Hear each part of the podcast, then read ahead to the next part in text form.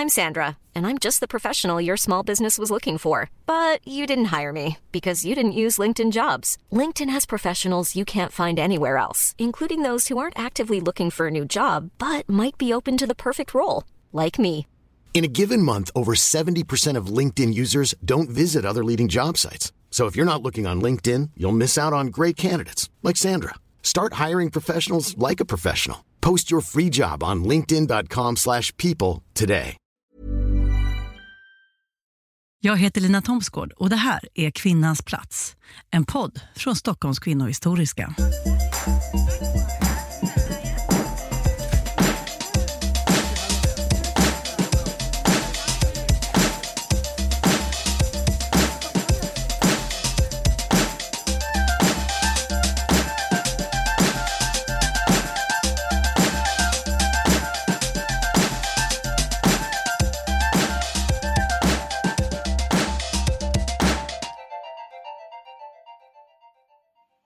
Är inte bara rasbiologerna som kartlägger olika rastyper under 1920-talet för att urskilja den ideala nordiska rastypen. Veckodamtidningen Charm anordnar skönhetstävlingar och samlar in mått på svenska kvinnokroppar.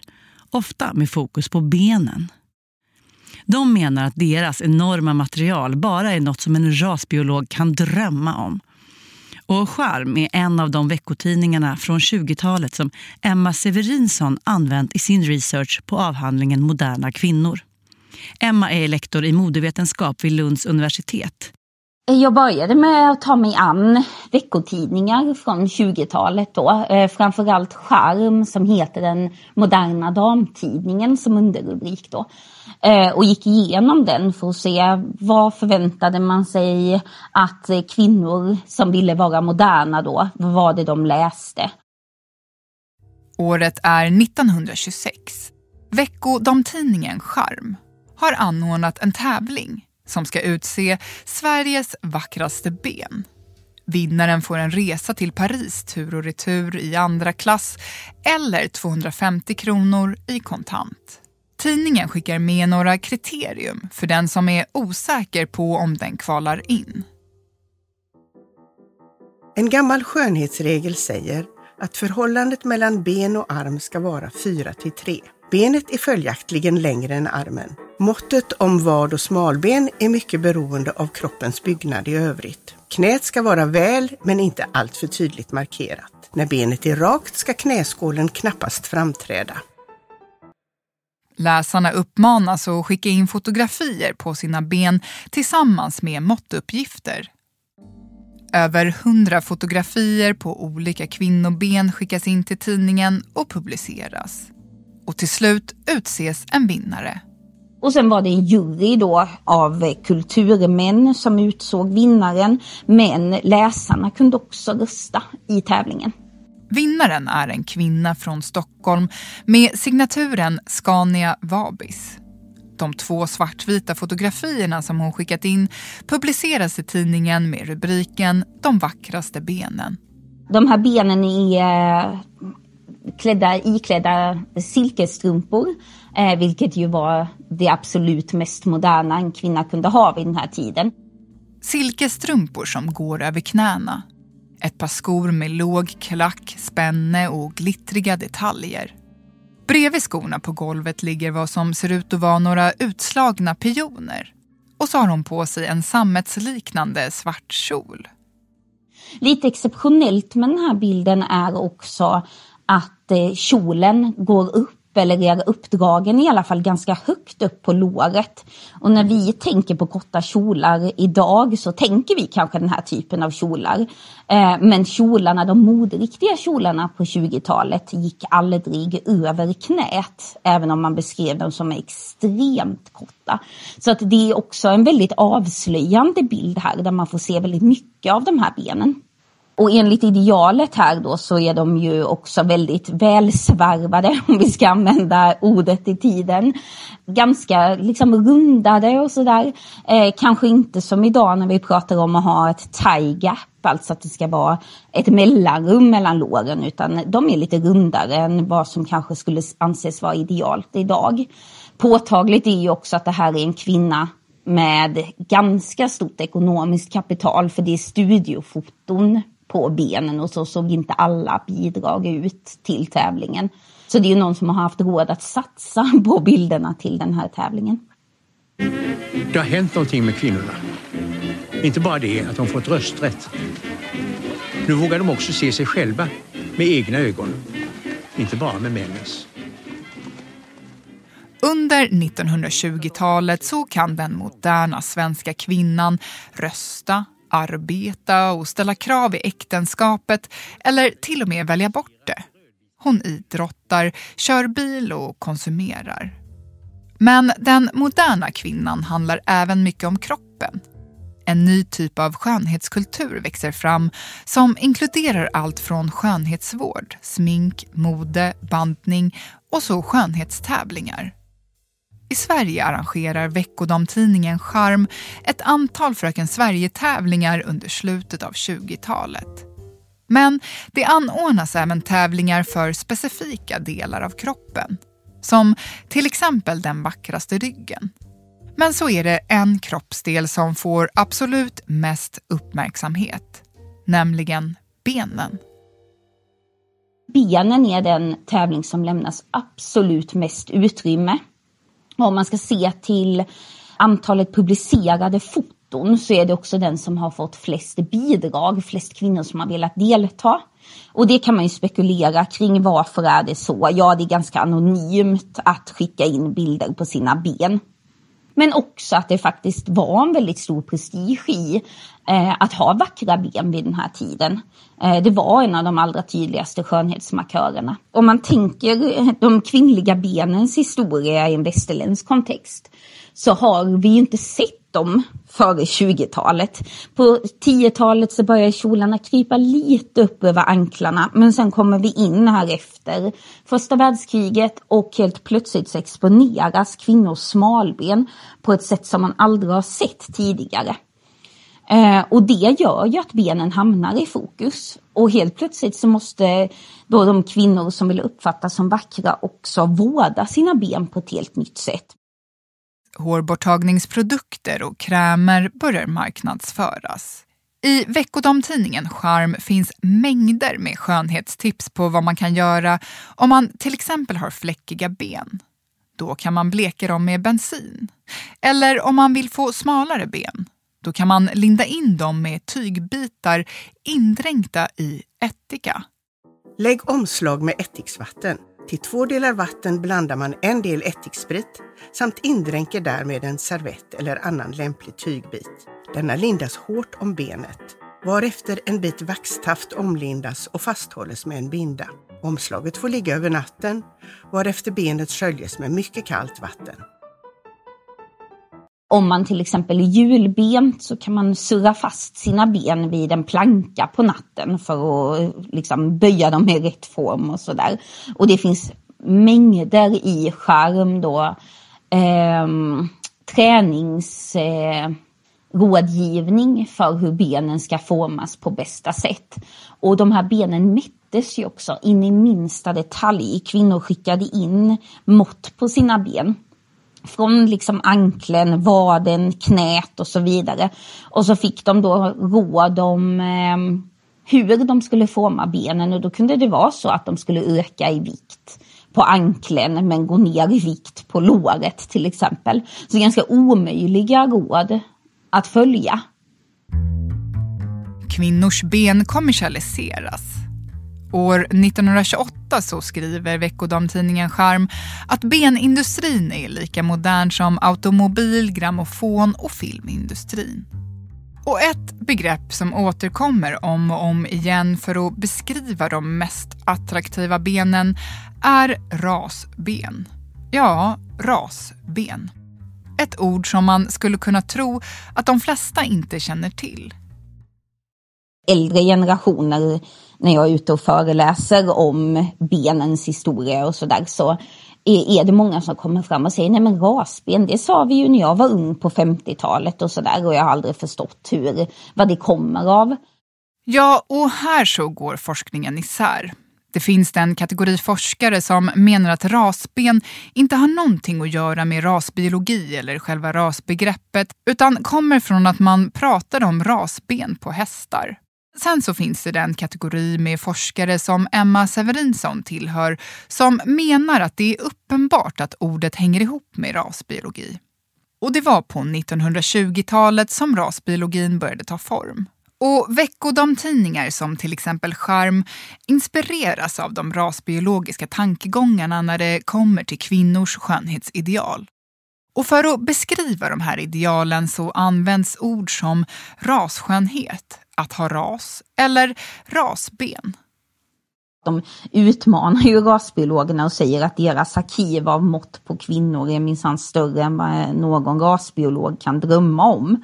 Eh, så att de liksom är väldigt nöjda med den här insamlingen av mått på kvinnokroppar som de får in. För det efterfrågar de när det gäller både Fröken Sverige-tävlingen eh, och andra tävlingar om ideala figurer och sådär så ska man fylla i en blankett om alla mått på kroppen.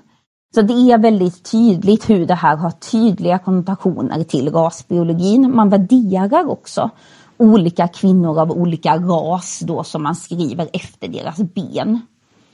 Eh, och då är det ja, eh, kvinnor från olika afrikanska länder som man då nedvärderar för deras ben, att de inte är särskilt vackra och sådär. Ibland uppvärderas de för att de ses som ett naturfolk med vackra ben, då att de lever nära naturen. Så det finns också starka rasistiska föreställningar här där man placerar människor efter ras. Men man nöjer sig inte med det som liksom kanske kan te sig mer främmande och långt bort utan man menar också att norskor har inte särskilt vackra ben utan det är svenskorna som eh, har de vackraste rasbenen i världen. I ett nummer av Charm beskrivs just norskornas ben som så kallade kalvben. Engelskornas ben för så kallade ponnyben. Medan tyskans och amerikanskans ben spelar i samma liga som svenskans. Men om man inte ska vara helt upphängd på rasbiologin så är det ju också väldigt tydligt hur kvinnokropparna användes som nationella symboler. Eh, där det var väldigt viktigt att kunna framhålla svenskorna som vackrast i världen med det blonda håret, den vita hyn som man ofta beskriver förtrollar män i alla världsdelar. Det finns inga vackrare kvinnor och så vidare. Eh, på samma gång som kvinnorna varnas för att det här är förgängligt, man måste arbeta för skönheten, så det finns en dubbelhet här. Svenska kvinnor föds som vackrast, men det är inget man ska ta som för givet, utan man måste också arbeta på det för att behålla och upprätthålla skönheten.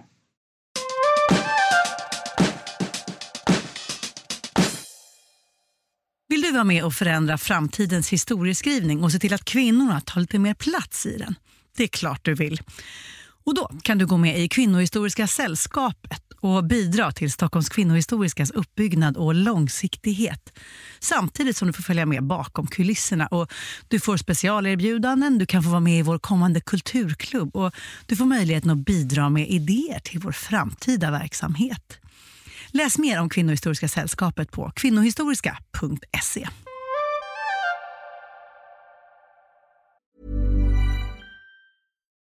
Millions of people have lost weight with personalized plans from Noom. Like Evan, who can't stand salads and still lost 50 pounds. Salads generally for most people are the easy button, right? For me, that wasn't an option. I never really was a salad guy. That's just not who I am. But Noom worked for me. Get your personalized plan today at Noom.com. Real Noom user compensated to provide their story. In four weeks, the typical Noom user can expect to lose one to two pounds per week. Individual results may vary. I'm Sandra, and I'm just the professional your small business was looking for. But you didn't hire me because you didn't use LinkedIn jobs. LinkedIn has professionals you can't find anywhere else, including those who aren't actively looking for a new job but might be open to the perfect role, like me. In a given month, over 70% of LinkedIn users don't visit other leading job sites. So if you're not looking on LinkedIn, you'll miss out on great candidates like Sandra. Start hiring professionals like a professional. Post your free job on linkedin.com/people today. I veckodamtidningen Charm så var det vanligt att ha med inslag med ett fotografi och en lite rolig text. I ett av de här inslagen från 1928 så finns det ett foto foto med en man och en kvinna som sitter i en soffa. Mannen sitter upp och kvinnan som kallas Anna-Lisa Rasbensson har sina fötter i mannens knä. Mannen håller upp en ring. Och på den här benen, bilden då så ser man ju då den här sekreteraren som heter Anna-Lisa Rasbensson. Men man ser ju bara hennes ben eh, och lite av hennes kropp och hon sträcker fram sina eh, händer för att ta emot en ring av den här Moses Safiro. Då. Och att han är judisk, den här mannen, är ingen slump utan judiska män framställs i princip genomgående och ofta i det fiktiva materialet, noveller och sådär, som att de är en fara för de svenska kvinnorna. De sexualiserar de svenska kvinnorna, de sexuellt trakasserar dem på arbetsplatser. Så att det är också liksom ett ett förfrämliggörande av de här judiska männen som då tillskrivs en stark sexualitet, att de inte har någon respekt för de svenska kvinnorna och sådär. Medan det i högsta grad förekommer sexualisering där man går ut och frågar svenska män, ofta verksamma i kultursektorn, vad de anser om svenska kvinnoben och vad svenska kvinnor behöver förbättra och sådär. Så att den sexualiserade blicken eh, finns där och accepteras men den måste komma från rätt håll. Under 20-talet och in på 30-talet så anordnade tidningen Charm ett antal skönhetstävlingar. Gemensamt för dem alla är att svenskheten står i fokus. Svenska kvinnor jämförs med kvinnor i andra länder och i sann rasbiologisk anda finns det en rädsla för att svenskan ska blandas upp med andra folk. I en skönhetstävling år 1929 så söker man efter en svenska med rasrena ben. En klar ren hy som skvallrar om sunt friskt liv och en spänstig kropp. Härdad genom friluftsliv, sport och hygien. Vad som hände sen med de rasbiologiska idéerna i veckodamtidningarna på 30, 40 och 50-talet är ett outforskat område. Jag har börjat titta på 50-talet lite grann och det är tydligt i de mode och veckotidningar som jag har tittat på där att där kan jag inte se att man använder rasbegreppet eller rasben eller sådär. Däremot så fanns det eh, 1958 en serie om fyra rådgivningsböcker som heter För oss kvinnor eh, som gavs ut i lite olika upplagor men bland annat väldigt påkostade med eh, i rosa eh, skinnband och sådär med guldtext. Eh, och där eh, uppehåller man sig i ett av de här banden som behandlar skönhet och hälsa väldigt mycket vid eh, rasbegreppet. Eh, men här har man liksom öppnat upp lite för en förändring av ras. Att eh, det finns inga renodlade raser, alla olika eh, raser har sin egen skönhetsstandard vilket gör att alla kvinnor världen över kan anses vackra vid en viss tidpunkt eller på en viss plats och sådär. Men man kan ändå inte hålla sig från i den här rådgivningsboken att faktiskt säga att men vackrast är ändå svenska kvinnor. Um, så det finns ju hela tiden och det gör det ju under de här Fröken Sverige-tävlingarna som eh, Eh, har utforskats av andra forskare, den här kvinnokropparna som nationella markörer, även om rasbegreppet inte är eh, förekommande längre. Så det är ju tydligt hur svenskheten är, är liksom under ständig konstruktion och upprätthållande som det ideala. Idag så har föreställningarna kring den svenska idealkvinnan luckrats upp något och vi använder ju inte ord som rasben och rasskönhet för att beskriva vad som är attraktivt. Men det finns definitivt spår kvar av de skönhets och kroppsideal som formades under 1920-talet. Vi har ju en jättestark vithetsnorm inom modebranschen och skönhetskulturen ja men det kan man ju bara se på blekningskrämer och så vidare som säljs och hur, vilka som är representerade i mode och skönhetsreportage eh, och så vidare. Sen använder man ju inte samma begrepp för det och man kanske inte skulle explicit skriva att vithet är vackrast utan idag kanske bildmaterialet får tala i eh, större utsträckning. Det var Emma Severinsson ni hörde sist, lektor i modevetenskap vid Lunds universitet. Och det var Linda Jensen Kidane som ringde upp henne. Kvinnans plats är en podcast från Stockholms kvinnohistoriska producerad av Soundtelling.